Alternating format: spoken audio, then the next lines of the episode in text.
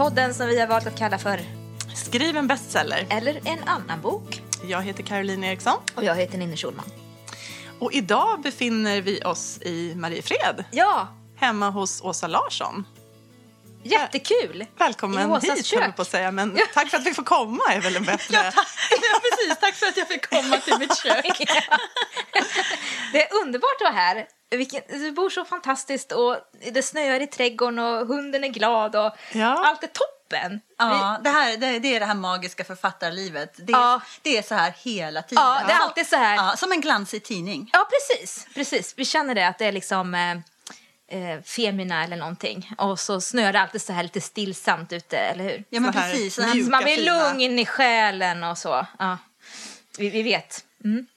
Ja, men vi har eh, lilla hunden med oss, eller lilla och lilla, men vi har hunden med oss under bordet och vi sitter här och dricker te, så det är väldigt eh, gemytligt. Mm. Snart blir det lite mindre gemytligt. vi ska, ska prata lite eh, tvivel och tillförsikt och få höra lite hur du har upplevt dina hög och lågpunkter Mm. i författarskapet. Men ska vi ha en liten presentation först? Ja, debuten 2003, Solstorm. Och sen dess har det blivit fem böcker om Rebecca Martinsson och en hel rad Paxböcker tillsammans med Ingela Korsell. Ni håller på med nummer, den näst sista nu, ja, det stämmer. ja, slutspurt. Nu är det slutspurt Mm. på barnbokserien. Ja. Och TV4 eh, har precis gjort en eh, tv-satsning på det här. Eh, Och, och den som morrar här i bakgrunden, det är min kaffemaskin som Ja, stänger det är av också en karaktär. Vill ha uppmärksamhet tror jag. Det känns lite så. Och morrar i ett hörn. Eh, var var vi någonstans? Jo, TV4 har gjort en satsning också på de fyra senaste Martinsson-böckerna som ska komma i vår. Har vi förstått? Japp. Är det något annat du själv vill tillägga som jag missar här i vår presentation? Nej, gud, jag tyckte ni fick med allt som är på gång i Ja, mitt liv. vad bra. Ja. Ja, vårt tema just nu är ju då eh, tvivel och tillförsikt. Höga toppar och djupa dalar. Va, vad tänker du när, jag, när vi säger så? Är det här ett tema som känns angeläget i när man pratar om författarskap? Ja men verkligen, herregud. Det, det, det, var, det blev en väldigt stor fråga. Eh, men men, eh, eh, men jag, jag tycker att jag väldigt ofta brukar säga att oh, det är som att gå och trampa i en blöt myr och skriva romaner och sådär. Och så skojar man om det väldigt mycket. Men, um, men ja, det är, jag, jag tycker att det är såna här stora känslor med att skriva. Att, att man, man får uppleva de här magiska ögonblicken ibland när man bara så här känner att, att ja, alltså det är gudomligt att skriva faktiskt. Att kreativitet är någonting gudomligt. Um, och så får man också eh, uppleva eh, de här stunderna när man eh, känner att inte ens min mamma kommer orka ta sig igenom det här som jag har skrivit. Och eh, nu är det slut. Vad katten ska jag jobba med? Eh, Pallar jag att gå tillbaka till skattejuristyrket? Är det någon som kommer vilja ha mig? Eh, Behöver de någon som sorterar frukten på Ica? Alltså så är det ju. Ja, Eh, Och, och, och, och nu skojar jag igen, men, alltså, men att, att det på, på riktigt känns så som att, att, det, att det blir grått och att det är färdigt. Det gäller ju bara att man inte hamnar i något av de tillstånden för länge, tänker jag. Precis. Vilka är ditt, dina värsta downperioder i skrivandet? Ja, men jag hade ju en ganska lång period av någon sorts, jag vet inte om jag ska kalla det för skrivdepression eller en vanlig depression eller så här, men innan min eh, senaste Rebecca Martinsson ehm, till Offer åt Moloch, mellan den näst senaste och den senaste boken, då hamnade jag i ett läge där jag faktiskt inte kunde skriva under två år. Alltså Oj. det är ganska lång tid. Vad, vad, vad hände? Vad var det som utlöste det och hur kändes det? Um, jag kommer mycket väl ihåg vad som utlöste det. Det är alltid svårare att sätta fingret på eh, varför. Men um, det var mitt i sommaren. Jag, var väldigt, jag hade rest och promotat väldigt, väldigt mycket utomlands. Och det här är lite svårt att prata om därför att det är liksom lite grann stackars rika flicka över det. Att man gnäller över någonting som man ju gärna vill ha och som alla Men- önskar sig, nämligen framgång i sitt skrivande och att man säljer böcker. Och du var på väg att säga män. Ja, nej men alltså vi, vi förstår vad du menar för att det är ju en helt annan sida av om man är en skrivande person så tar det ju ganska mycket kraft att vara ute på såna här saker. Så vi, du får gnälla precis så mycket du vill. Du är med vänner nu. Ja, jag ska inte alltså det, gnälla, men men om man nu ska berätta rakt upp och ner Mm. hur det var, så var den utlösande faktorn att jag hade, det var sommar, min dotter var 11, hon, eh, vi skulle köpa häst, den häst som jag har nu. Och, eh, och jag hade precis varit på en bokmässa, jag, tror att det var eh, i Spanien, alltså sådär så att, alltså, det var dagen innan som jag hade kommit hem. Och så skulle jag iväg eh, på en bokmässa i Italien. Och ehm, eh, eh, och jag kände plötsligt det här som folk berättar om som blir utbrända och sånt där. Så När de säger att jag kunde plötsligt inte kliva in i hissen eller jag kunde plötsligt inte eh, kliva på bussen eller jag visste inte hur man, jag glömde bort min pinkod till, ja, ni vet någon sån där. Och jag kände plötsligt att, att om jag, jag dör om jag åker till Arlanda. Det var liksom just Arlanda som blev min sån här, jag, de får hellre såga av mig armarna. Det, det, det går in, jag kan inte åka. Och det var så där, det, blev, det var ett sånt där katastrof. eh, Mitt i semestrarna och jag ringde till två författarvänner och grät så här okontrollerat. Eh, som har gått igenom ungefär samma saker. Och- Och, de, och de var bara... Grejen är den att alla runt omkring mig hade ju sett att det här höll på att hända, alla utom jag. Eh, Jag var ju bara så här, det går bra, men det går bra, jag klarar det, det fixar sig. Så. Så de var bara så här, nu ringer du och eh, eh, din agent måste ställa in allt som du har bokat in framför dig. Eh, och, eh, och, så, och så gjorde de det. Eh, och det var extremt plågsamt att bara ställa in och, och göra allt det där. Och sen så fick tiden gå. Liksom. Eh, och det var ganska jobbiga två år mm, därför att jag också jag visste inte om jag skulle kunna skriva igen någon gång. Så, mm. Hur, hur gick dina tankar då? För det är, en, det är en lång period så att säga. Hur gick dina tankar? Vad minns du av processen? Från det att ni hade då, agenten hade ställt in de här åtagandena och du på något vis kunde liksom börja eh, orientera dig i det som du inte riktigt visste vad det skulle bli. Men kommer du ihåg, vad minns du av processen? Hur tankarna och känslorna förändrades längs vägen? Eller? Ja, jag kommer ihåg att jag, att jag var otroligt tacksam över att jag hade en massa små böcker som var ute i världen och försörjde sin mamma. Eh, Så att jag behövde inte sjukskriva mig, för jag tänkte bara stackars alla människor som måste släpa sig iväg till vet, en läkare och sitta och gråta och förklara och berätta. Att jag slapp det. Ja. Att jag kände mig så otroligt privilegierad för det. Att jag under- kunde försörja mig under den här tiden. Och jag, eh, jag kommer ihåg att det var väldigt... Jag, hitt, jag, jag lyckades ju... Jag, jag, så, jag gick ju hos en terapeut förstås. Och, liksom, så här, eh, och, ehm, och, ja, och så var jag hos min häst och eh, mockade. Det var också så här aromaterapi. För att jag är så här, min barndom, då var jag mina somrar så var jag hos min mormor och mm, hjälpte henne i sommarlaggården med korna. Och då fick man liksom sitta på en pall och hålla i kosvansen medan hon mjölkade och blåsa på myggröken så att den liksom hölls vid liv och sådär. Så den här doften av kreatursbajs, det är liksom en sån här bara för mig. Det var ganska långt ifrån de här representationsresorna utomlands och så kan jag och, tänka mig. ja, och, så att, ja, jag, jag, jag tänker att det var bara ett, att, mm, att tiden faktiskt läker. Eh, och och har man, är man så privilegierad så att man får ge sig den tiden så, så är det väldigt bra. Och, jag, och, och kanske är det så att om jag hade varit i ett tvingat läge. Om jag hade behövt skriva klart en roman för att betala hyra och försörja mina ungar så hade jag väl gjort det kanske.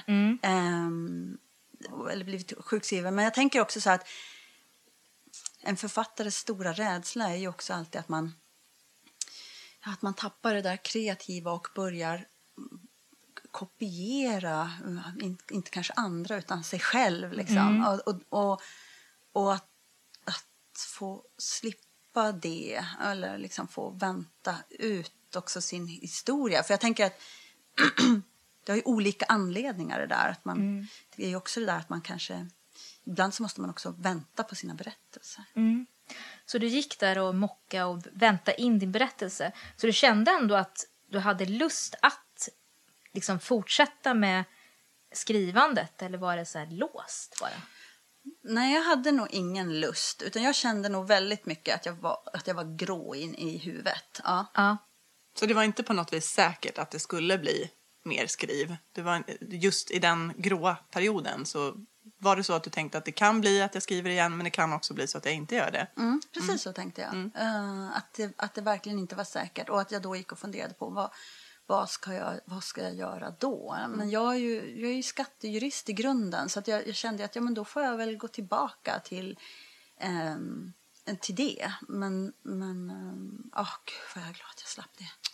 Ja. Men vad var det som hände sen då? Sen var det någonting eh, som Det vände sen. hände, eller som gjorde att det vände, ja precis. Ja, alltså, jag minns inte det här så himla bra faktiskt. För jag, det kanske, jag kanske borde fundera över det mer. Liksom. Men jag vet att faktiskt så, så... Jag fick en del bra hjälp på vägen av, alltså, av författarvänner. Okej. Leif GW ringde och grälade på mig bland annat för att jag inte skrev. Uh, och så här, jag sa att jag kan, vet du, att jag kan faktiskt inte. Och han sa att, ja, sa han, när jag inte kan skriva så brukar jag göra så här. Uh, då brukar jag, uh, då brukar jag liksom tänka att, då brukar jag sätta mig vid, vid datorn eller, eller skriva att, att ja, här ska det och det hända och här, sen tänkte jag att det här och det här skulle hända. Jag, brukar, man, jag försöker inte göra litteratur av det eller bok av det utan bara liksom skriva ner vad jag tänkt liksom ska, ska hända och sen eh, plötsligt så har man skrivit några rader. Och när jag var redo liksom, för det rådet så var det faktiskt en stor hjälp att inte ha eh, något krav på sitt eget, att det ska bli något. Nej. För det är ju det där när, man, när, man, när plötsligt också författeriet blir ens yrke. Det händer ju någonting då med ens kreativitet. Att man måste förhålla sig till det på något sätt. Um, och det var, eh, det var en sån magisk känsla när det där började. Jag vet att jag satt, jag delar ju kontor med, med, fy, med vi är fyra stycken som delar kontor här i, i stan. Och jag vet att jag satt på kontoret och, och gjorde det där. Ni vet, man, jag satt och liksom skrev och tänkte jag behöver inte bli någonting så här. Och så plötsligt så hade man skrivit några såna här rader som där man kände att och att man, att, det plötsligt, att man plötsligt i huvudet, att det började liksom röra på sig inne i skallen och att man bara sa ja men då säger hon det här och sen så, och då gör ju han på det här och det här sättet och sådär. Och när de började liksom, jag var levande Ja, inuti. Och den, när man får komma tillbaka till den känslan, när den har varit borta, det går knappt att förklara liksom hur, hur fantastiskt det känns. Så jag satt där på kontoret och ropade till mina kontorskompisar bara, det sitter ett författarhuvud på min kropp. och, de, och de bara, det är bra Åsa, vi behöver jobba här också. Men på riktigt så var det så. Ja, underbart det låter.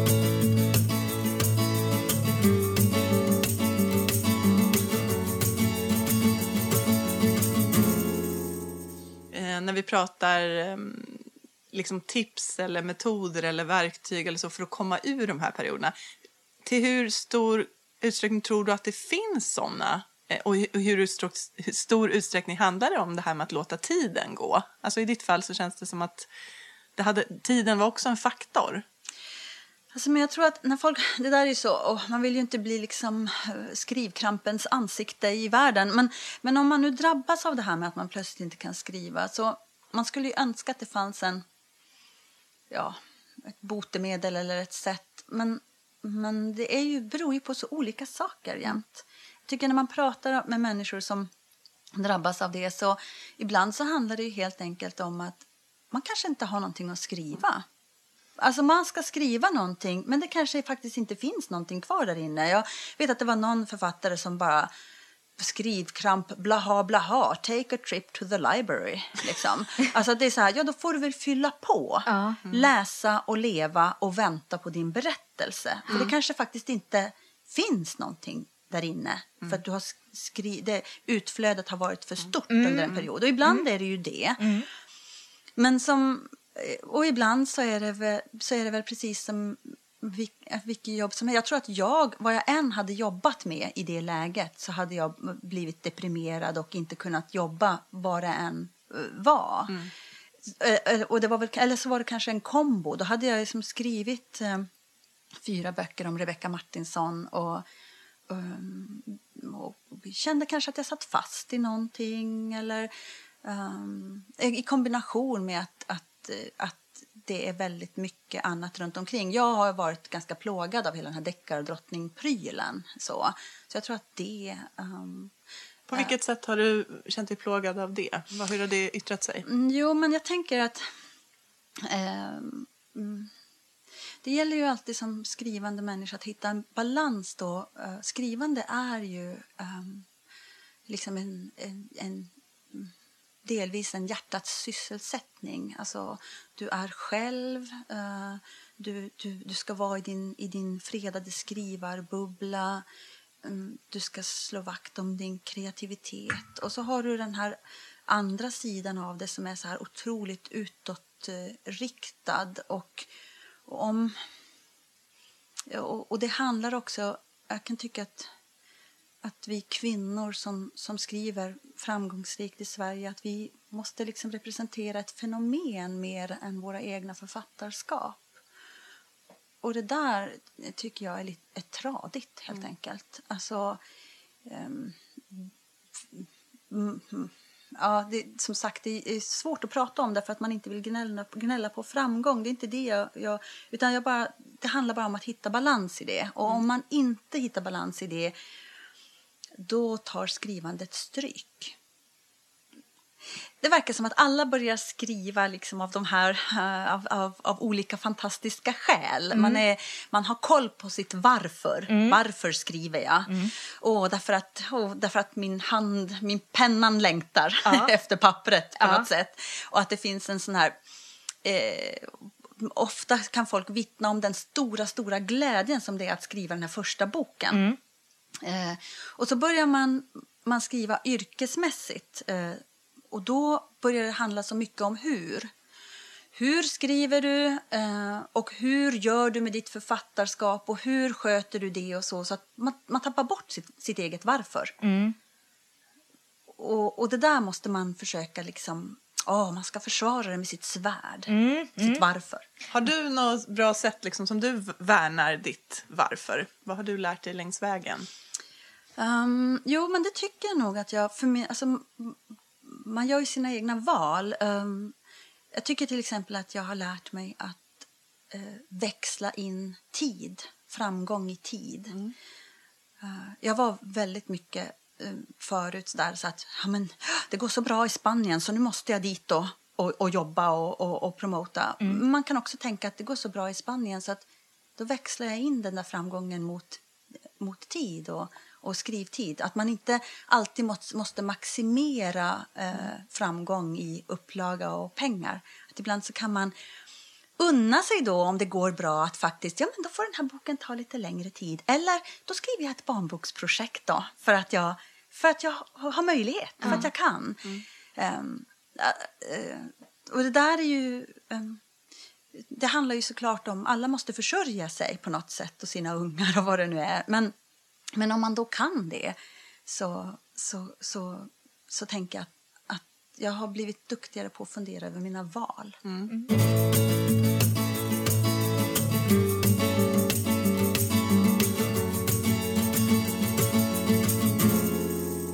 Nu har vi pratat mycket om låg, låga punkter. Oh, fy! fy. Oh, jag blir så här. Ja. Har du några solskenshistorier från ditt författarliv som du minns sådär att du ögonblick, ögonblick liksom har... som har kommit som du känner kan återvända till och bara tänka wow, då. När jag kommer, när jag kommer hem till Kiruna och, eh, och pratar med folk hemifrån sådär och de eh,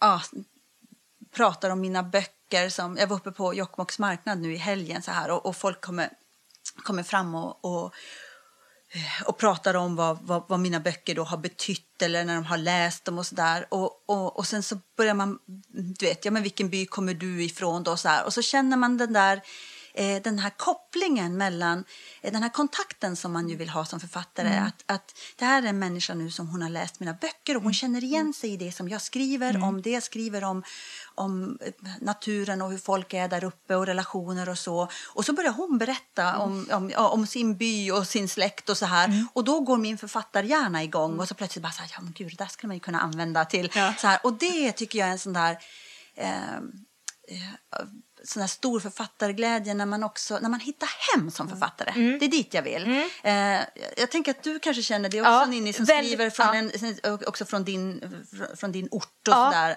Eh, väldigt tydligt. att det det här att man en- känner igen sig och att, att min ambition att, att beskriva den landsändan, liksom utflyttningsbygd i Värmland, skogen, det här och att det var inte självklart liksom att det skulle mottas gott när jag ändå har bott i Stockholm ganska länge och sådär. Men att folk är så tacksamma över att någon ser dem. Och då, då blir jag så här gråtfärdig. Det var också en sån här grej när jag fick eh, Hagfors kulturpris. Och det stod, och jag börjar nästan gråta nu bara för det. Eh, men i alla fall då, i motiveringen så var det någonting att jag beskriver människor som de är och vi känner igen oss. Och det var så här, åh det var ju exakt det jag ville liksom med det här. Det, det var kärnan i varför jag skriver faktiskt. Eh, om man ska prata om det, den här varför, varför. Det, där sitter mitt varför. Beskriva människor som de är på, de, på den platsen liksom. Så att eh, jag förstår precis. Mm, och sen precis som eh, det här också att, att man bara oj, och, och det kan de vara intresserade av. eh, I Brasilien. Alltså, det är ju lite, man bara så här, hur, hur fasen gick, hur gick det, hur, hur gick det till så? Det är precis det man vill som författare. Så att det, och, och, ja, men jag säger det igen, det gäller ju bara att hålla, att på något sätt försöka sträva efter den där balansen mellan det här utåtriktade och det här introverta. Är du en introvert person? En pladdrig introvert, kan man vara det? Ja, det kan man vara. Det finns fler exempel i, i rummet. Ja, folk, folk kan ibland bara så här, om, om, om man beskriver sig som introvert så, så kan jag se hur folk liksom lyfter på ögonbrynen och bara, jo, tjena. Eh, men, men faktiskt, eh, väl, jag, jag, alltså jag behöver verkligen ensamtid. Eh, eh, och särskilt om jag ska skriva. Alltså jag är, till exempel så är jag en sån extrem morgonmänniska. Och jag har mina morgontimmar helt i fred. Eh, resten av familjen kliver upp liksom senare. Så då, ja. Ja, hur, ser, hur ser din skrivvardag ut? Och den är, det är väldigt olika. Jag kan inte, jag, det, kan, jag- det kan jag liksom inte säga. I perioder så, så går jag till mitt kontor och, och sitter där och skriver. Särskilt nu när jag skriver barnböcker tillsammans med liksom Ingela Korsell som ju sitter på, på samma kontor som jag. Ehm, så är jag ju där ganska mycket och, och skriver. Ehm, och i, men det beror på var man är i processen också. Ibland så handlar det om att gå och tänka och, och så. Så det, är så det kan jag inte. Jag vet inte. Jag- Förr i världen så ljög jag och sa det är ett 8 till 5 jobb. Det är det ju inte. Nej. Men det är ett lätt svar. Man inte riktigt, eh, På en komplex fråga ja, kan det se olika. Jag vet att min näst senaste bok den skrev jag i princip mellan fyra och sju på morgnarna. Liksom, För att det var, då var mitt liv så rörigt och det, barnen var liksom små och det var mycket liksom så här runt omkring. Så att då var morgontiden min enda, min enda ostörda liksom, bra skrivtid. Hur, hur går det till när, när du då sätter dig ner på de här, de här skrivpassen oavsett när de, när de inträffar? Har du ett mål? Ser du ett mål framför dig? Att jag ska sitta ett visst antal timmar eller jag ska skriva ett visst antal tecken eller sidor eller jag ska skriva de här kapitlen eller Den här scenen, kör du bara på? eller?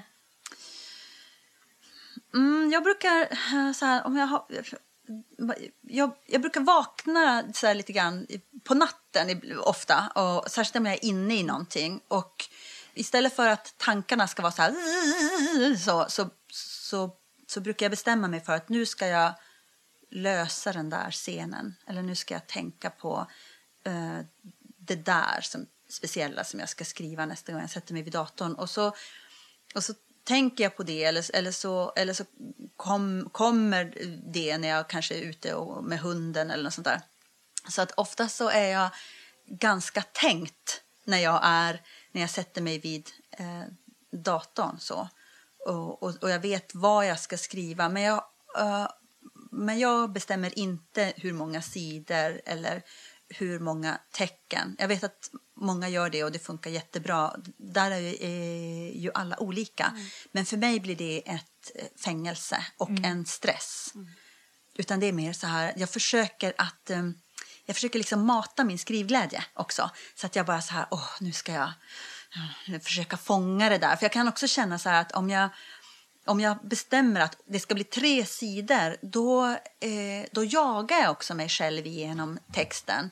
Ibland så kan man behöva, eh, precis som du sa tidigare, att, att, att, när vi pratade här innan vi satte igång, att, att ibland kan man um, så kan det behöva få gå några, ganska många minuter mellan den första meningen och den andra och den tredje och så här.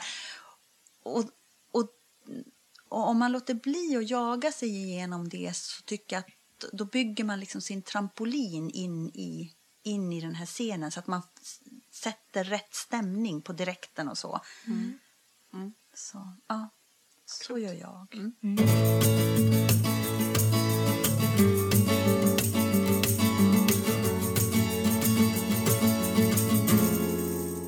Men ni skriver ju två tillsammans, du och Ingela. Eh, hur, hur går det till? Hur ser ert samarbete ut? Hur, hur går det ut?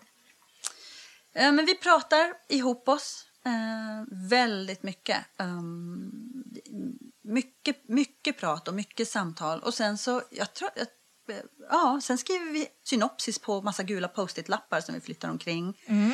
Och när vi har gjort det så att vi känner att ja, men det, här är en, det här är en berättelse, det här är en bra struktur, det här är en historia.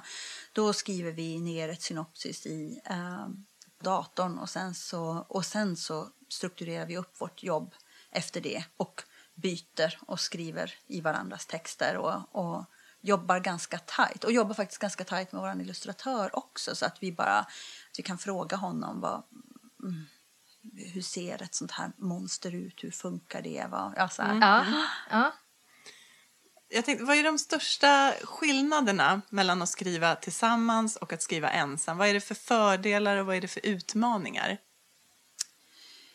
Ja, fördelarna är ju den här, det här att att man får vara väldigt nördig ihop med någon. Mm. Eh, att, att, få, att någon älskar projektet lika mycket som man själv.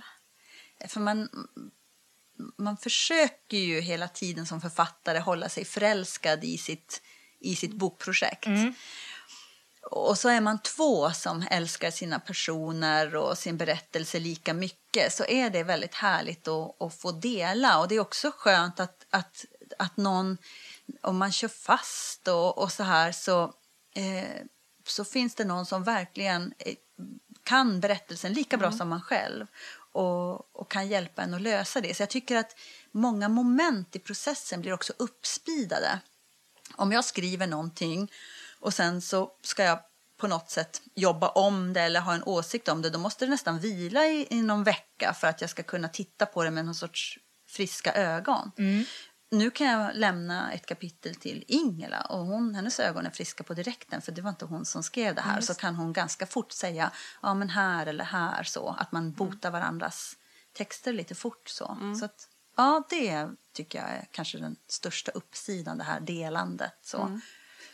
En, utmaningen då? Utmaningen, äh, ja alltså att, att jobba så tajt ihop med någon är ju äh, självklart. Liksom. Man, måste, man måste kompromissa, man måste komma överens, man måste eh, Eh, vara sams.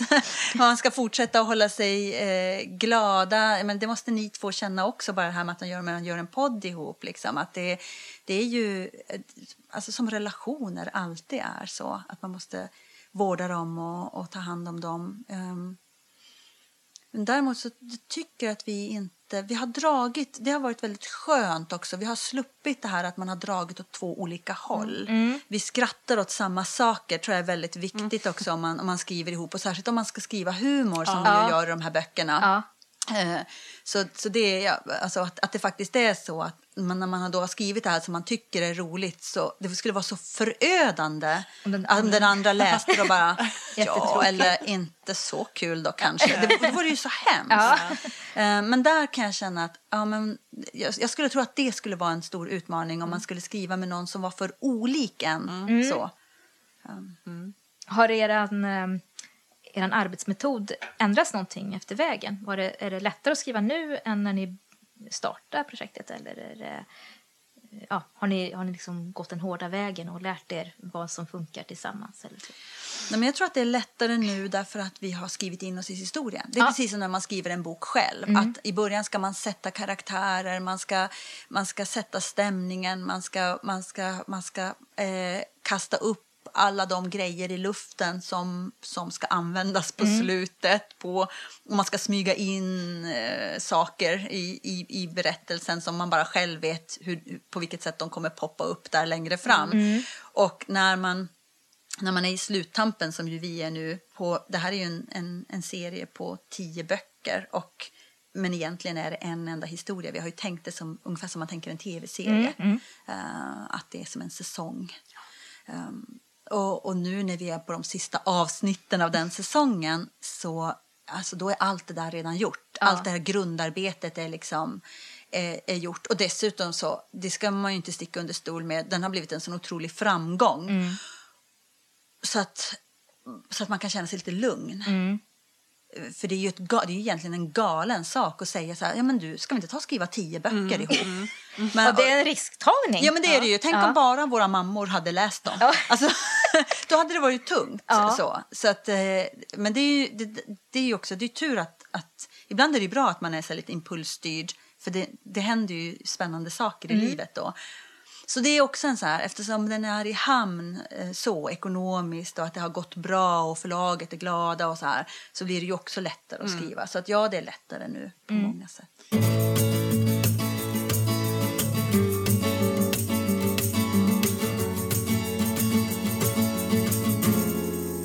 Tänkte bara, ni, ni är på slutet av den serien, Pax-serien. Och sen har du en bok kvar i alla fall om Rebecca Martinsson. Hur ser du eh, din framtid där? Tänker du att du kommer att fortsätta växla mellan att skriva eh, dina egna böcker och kanske skriva tillsammans med någon? Eller eh, var det någonting du gjorde under den här Pax... Pax-tiden och, och sen är nöjd med? Eller förstår du hur jag menar? Är det någonting du kan, en, en form du kan tänka dig att, att fortsätta med eller gärna vill fortsätta med? Kanske? Men det kan jag absolut göra. Jag tänker också att, att det är så otroligt utvecklande att skriva på olika sätt. Att, att jobba i olika konstellationer och att... Eh, gud vad min hund stökar under bordet här.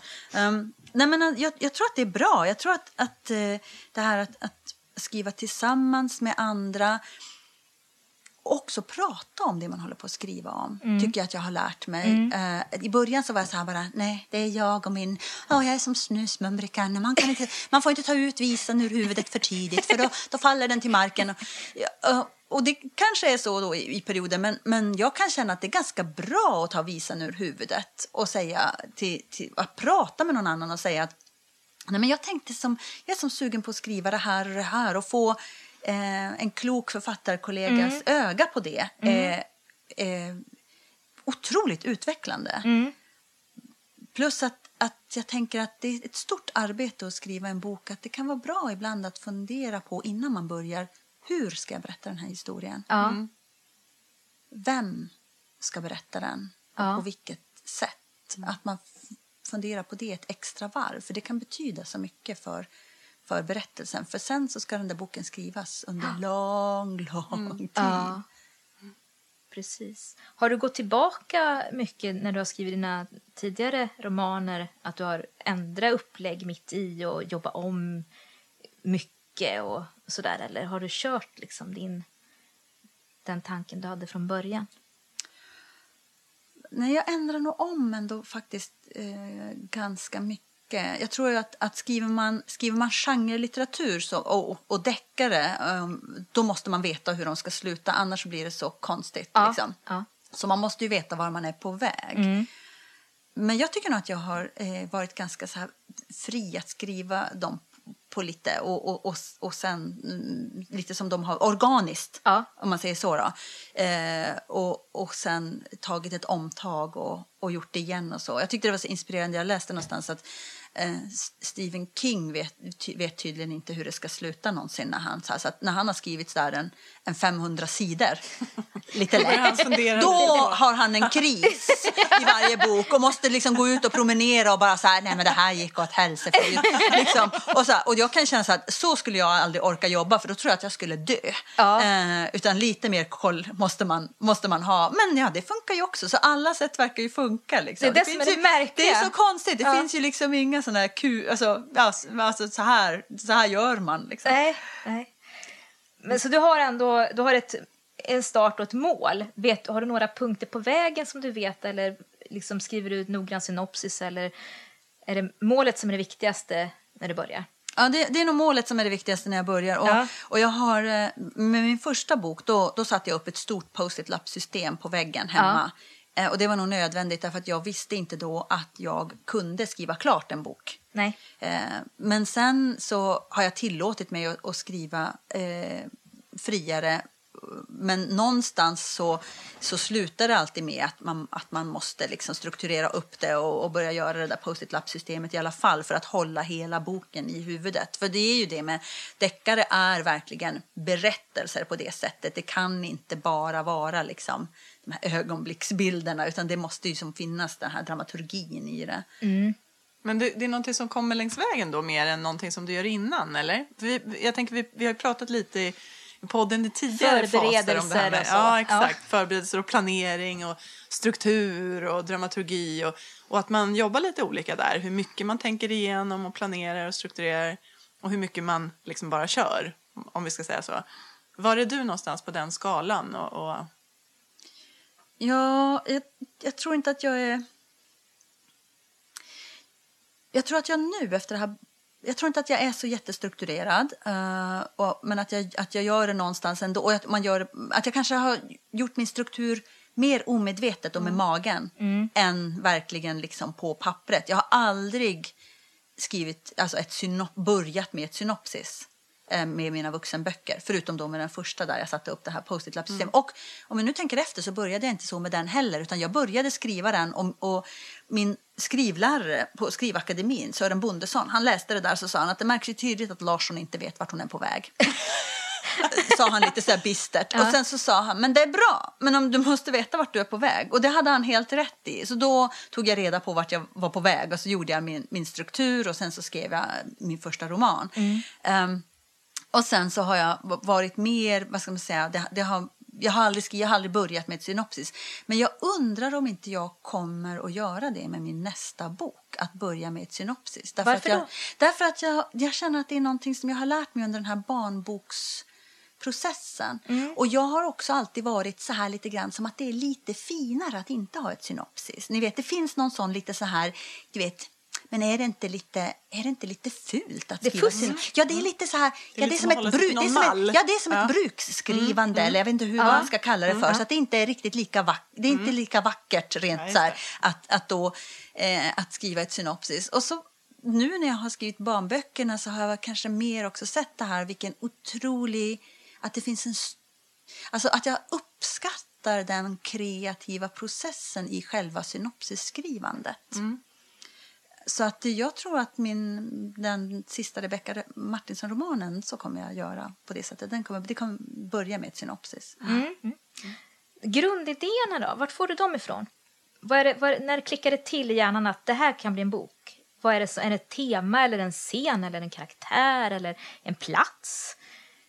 Det brukar ju alltid vara, jag tycker att det verkar vara så för väldigt många som skriver att oftast är det eh, mer än en sån där liten komponent. Att man har, man har, mm, man, man, man ser en liten scen och man har en liten bild i huvudet och så känner man instinktivt någonstans att de här två hör ihop på något sätt. Och man känner också instinktivt att det här är banke mig, det finns en roman här någonstans. Som Hur, jag... hur, känner du, hur känner du det? Alltså, hur vet man? För det har vi också pratat om. det här. Pirr under Känslan, huden eller ja. att det kittlar i magen? Eller, Exakt. Mm. Och på något det brukar vara ganska vet fysiskt. att det är någonting som liksom kommer att hålla till en... Det handlar väl om att man, man, går, i- man, man går igång man, dels går man igång på det känslomässigt och sen så är det ju som att eh, att berättelsen lever det där egna livet. Det är som en hungrig eh, hund som plötsligt följer efter en på gatorna. Liksom.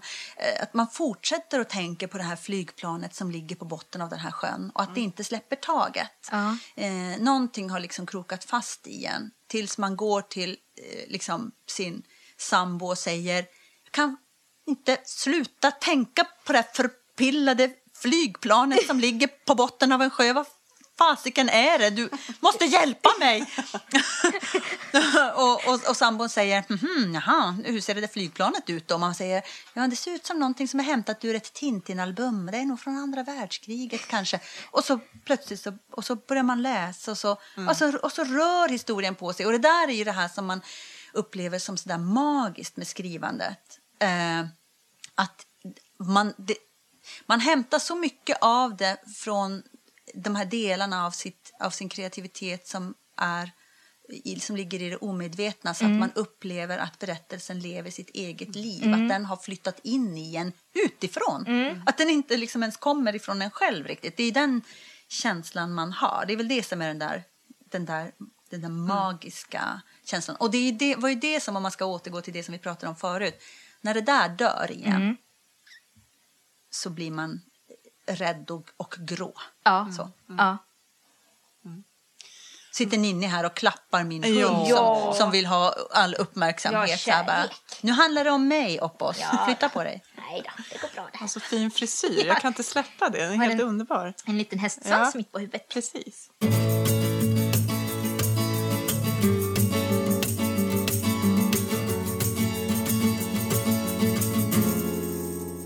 Vi knyter an till det här temat, tvivel och tillförsikt, så, så handlar ju, dels så kan man ju uppleva det vid, vid olika tidpunkter i, sitt, i sin karriär, författarkarriär eller sitt liv eller så. Men man kan ju också ha det eh, under en process så att säga. Verkligen. Ja.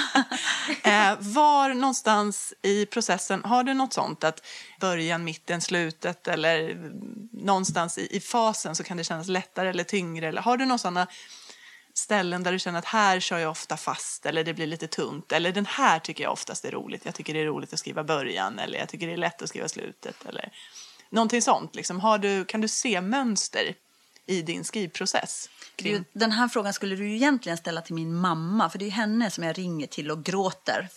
Just det. Så här, När fyll- ringer hon? Nyss fyllda 50, bara så här, det går jag kommer aldrig bli liksom så här. Och, och, och hon är bara så här, hon har för länge sedan slutat att orka ta mig på allvar liksom. Eh, och bara så här, jo men, så här, och jag hör hur hon går på autopilot liksom, bara så här, du som är så begåvad, Åsa, det kommer gå så bra. alltså, men, men jo, jag brukar, jag brukar nog tycka att oskrivet är bäst. Eh, medan historien ligger och glimmar inuti huvudet så är den fantastisk. Där har jag liksom inga tvivel. Det är bara så här, kommer bli ens bästa bok ever. Och man är så här helt... Och, och, och början, där brukar det vara liksom så här, det är så härligt också när man skriver deckare så får man ofta börja med liksom så här lite mord och, och, och det, är- Ja. det, är lite, det blir ju liksom att skriva det här eh, dramaturgiskt tacksamma är ju ofta ganska roligt. Så.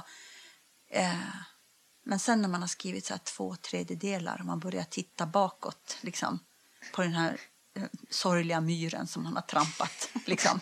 Man bara, nej men, usch, det, det vart inte alls, det glimmade inte något mer. när man tog ut det så var det bara kattguld i alla fall. Alltså det, det då, där någonstans så, så hamnar jag lätt i sånt där, så här, nu, det är nu det går. det är nu det, nu tog det slut. Ja, just det. Ja. Nej, man har liksom skrivit mycket men det är fortfarande mycket som Mycket återstår. kvar. Ja, precis. Ja, ja. Hur tar du det då? Men då, då tycker jag nog... Jag försöker tänka det är så otroligt länge sedan jag skrivit den. Det är, alltså, ungefär som när man fjällvandrar. Jag ska inte tänka att jag ska ta mig ända, ända till den där raststugan utan jag ska tänka att jag ska ta ett steg till och ett steg till. Och, och så här, att inte... Eh, jag, försöker, jag försöker att hålla ifrån mig det här att det, att det ska bli en bok. Utan det ska bara bli den här lilla scenen och, så, och sen det där lilla steget. Så. Det känner vi igen. Det känner vi igen. Jag brukar säga det, lyft inte blicken. Alltid annars pratar man om att man ska lyfta blicken och se helheten. Nej, gör inte det. Titta ner på fötterna. Fokus på Scrolla marken. Ja. inte. Nej, det är jättebra. För då, då får man ju panik. Ja. ja, då bryter ju helvetet Bara en, löst. Mm. en scen i taget och skru- titta inte bakåt. Liksom, ta det sen någon annan, någon annan gång, när, en annan kvart där det känns Ja. roligare att leva. Just då. Mm, och, för, och, för, och jag kan också så här, det, det har ju också den här barnboksskrivarprocessen hjälpt mig med att inte just, just det här jag vet ju, jag har skrivit, alltså jag har, jag har skrivit yrkesmässigt sedan 2003. Jag vet ungefär när jag har skrivit någonting som är, är bra och när jag har skrivit någonting som inte är, är, är så bra. Och också att inte fastna i det där. Alltså att jag, jag skriver klart en scen och så känner man att ah, vart inte så. Den vart inte så bra på riktigt. Att det inte handlar om någon sorts bara "Åh, det blir inget bra, jag, li, jag lider. Utan att den faktiskt inte, den lyfte inte. Nej, nej. Man fick inte tag på det där riktigt Nej. att kunna lämna det, eh, precis som du säger. Att det är så här, ja, men det är så här, jag, jag, låter, jag, jag skriver bara på nu Ja. så att jag tar mig framåt. Och det där är ju också, det är det där som är författaryrket. Att ja, ibland så måste man bara skriva på, men ibland så måste man stanna och vänta. Och att veta vad som är vad, veta när man smiter och när man på riktigt väntar. Eh, Hur vet man det? Ja, det, det är ju, alltså det där är ju terapi kanske, alltså verkligen. Alltså lite, att försöka ha koll på sig själv och, och hur man är. Och, och hjälp av sina vänner. Jag säger det igen, att, att ha de där författarvännerna eh, som, som man kan ringa och säga nu är det, sitter det fast. Och dels, ibland så kan man få prata sig ur det med någon för att någon kan faktiskt hjälpa och, och säga ja men alltså borde du inte Borde inte den här berättas ifrån det, det hållet, den här scenen? Eller, ja, eller borde du inte lösa det på det här viset? Och, och, och så lossna någonting. Eh, Och, eller, och att de känner en och, och säger så, så här brukar du vara. eh, så här, det här brukar hjälpa. Och man bara, "Eh, jaha, är det på det viset? Och så, ja, ja, så, då, så då åker man och rider hästen då. Och sen så, lö, så löste det sig mycket riktigt. Eller bara så här, du vet, nu slutar vi prata i telefon och så sätter du dig ner. Du får ringa mig om en timme, men då ska du ha suttit framför datorn hela tiden. Och så här, du ringer mig inte förrän du har suttit den där timmen. Att de vet. Ja, eh, ja, Att ja. man kan få hjälp med det. Därför att man är ju sig tyvärr ganska lik. Liksom. Har du ett stort sånt eh, nätverk eller i alla fall några som betyder mycket låter det som? Eh, ja, jag har några stycken som betyder väldigt mycket. Mm. Vi förstod det när vi träffade Malin, för Malin har ju också varit gäst i podden. Hon sa att hon beskrev lite grann att ni hade som ett författaräktenskap. Där hon var monogam, men hon sa att, hon, att Åsa har nog eh, den Lite typen fler. av... Ja, precis. Det var ingenting som skadade er relation. Men, eh, Hon var okej var med så, det. Ja. Gud vad roligt. Ja, men det stämmer lite. Ja. Men har du olika då som du ringer att nu känns det så här, nu pratar jag med den personen eller funkar alla likadant? Nej, jag tycker alltså... Så här, gud vad... Nu, vad vi leka? Nu börjar du hunden tröttna. Ja. Han tycker det här är döv, att vi är dövtråkiga. Han kommer och erbjuder sina ben. Så här, Ja. kan, vi inte, kan vi inte dela på dem och leka med dem lite? Nej, jag... jag, jag, jag, jag kanske pr- jag pratar, jag pratar oftast med Malin i telefon. Så här. Um, men jag tycker nog att jag, att, men jag pratar med, jag har ju så här, jag, Johan Theorin och Håkan Nesser och Maria Ernestam är en så nära författarvänner som jag tycker att jag både kan prata om berättelsen med men också det här, den andra delen av författarlivet som handlar om det här med att, ja, ni vet, vara var ute och, och ja, vara författaransiktet. Liksom. Mm. Mm.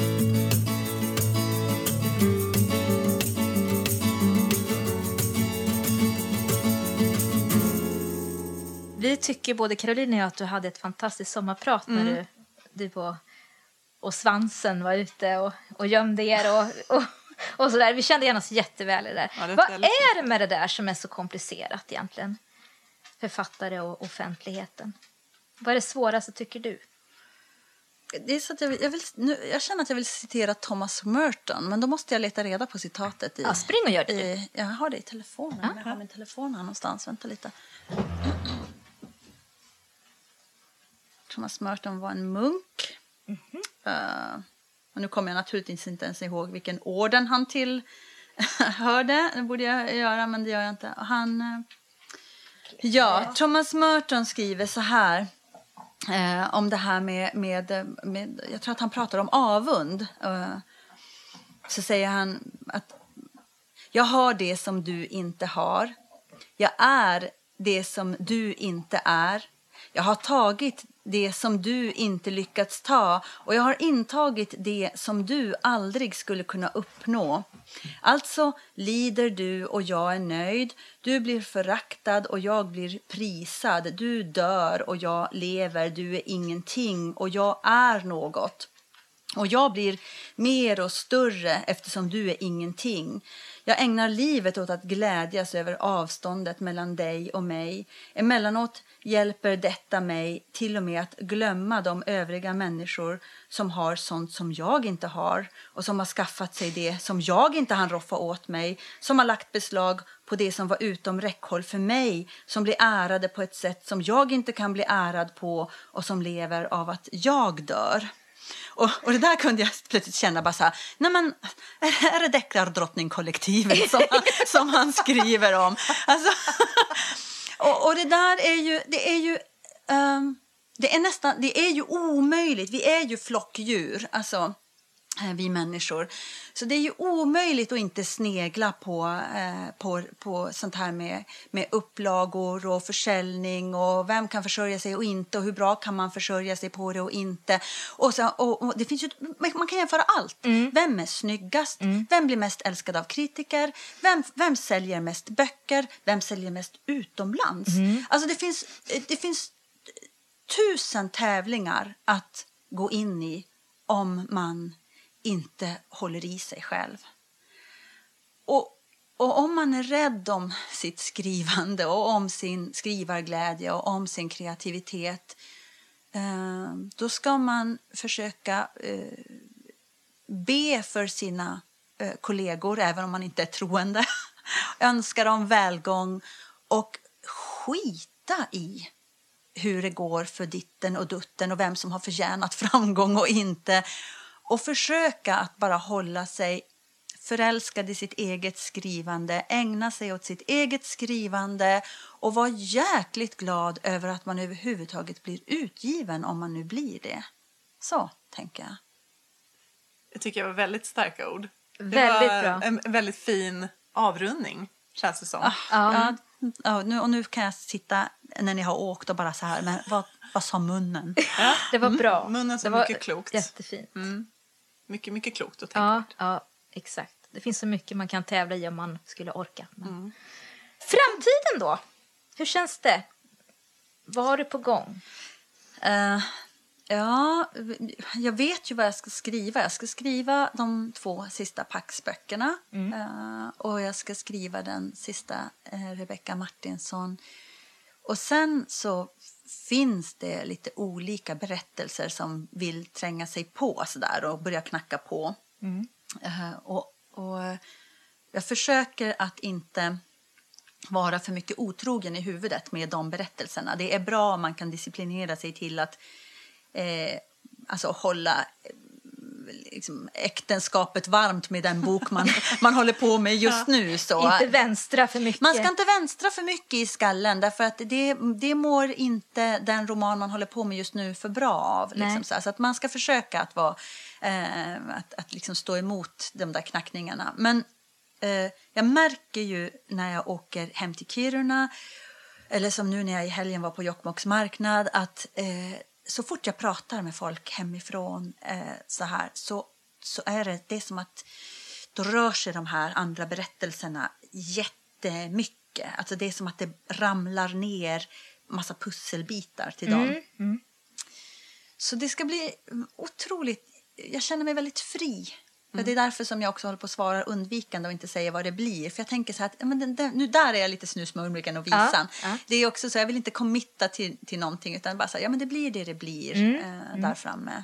Känns det som att det blir lite grann en ny fas? Ja, det tycker jag. Jag sa alltid, när jag började skriva Rebecca Martinsson och bestämde mig för att jag skulle skriva sex böcker om henne, så sa jag alltid att det där är min skrivarskola. Ja. Eh, jag ska lära mig skriva Ja. genom den i den serien. Och det tycker jag att jag har gjort. Jag känner nog ändå att mitt författarskap har utvecklats. Eh, jag, tycker, jag känner inte att jag står still.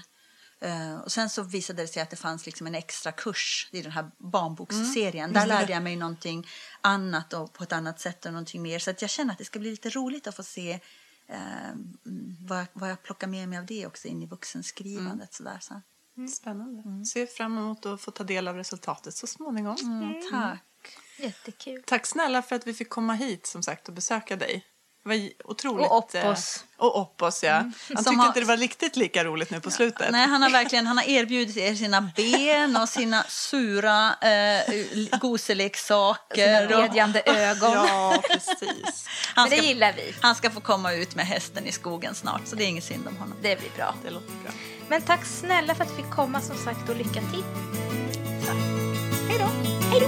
A sticky summer's day in Shepherdstown, and Eagle in a thermal is a circling around like a tire on a bike rolling down Columbus Street.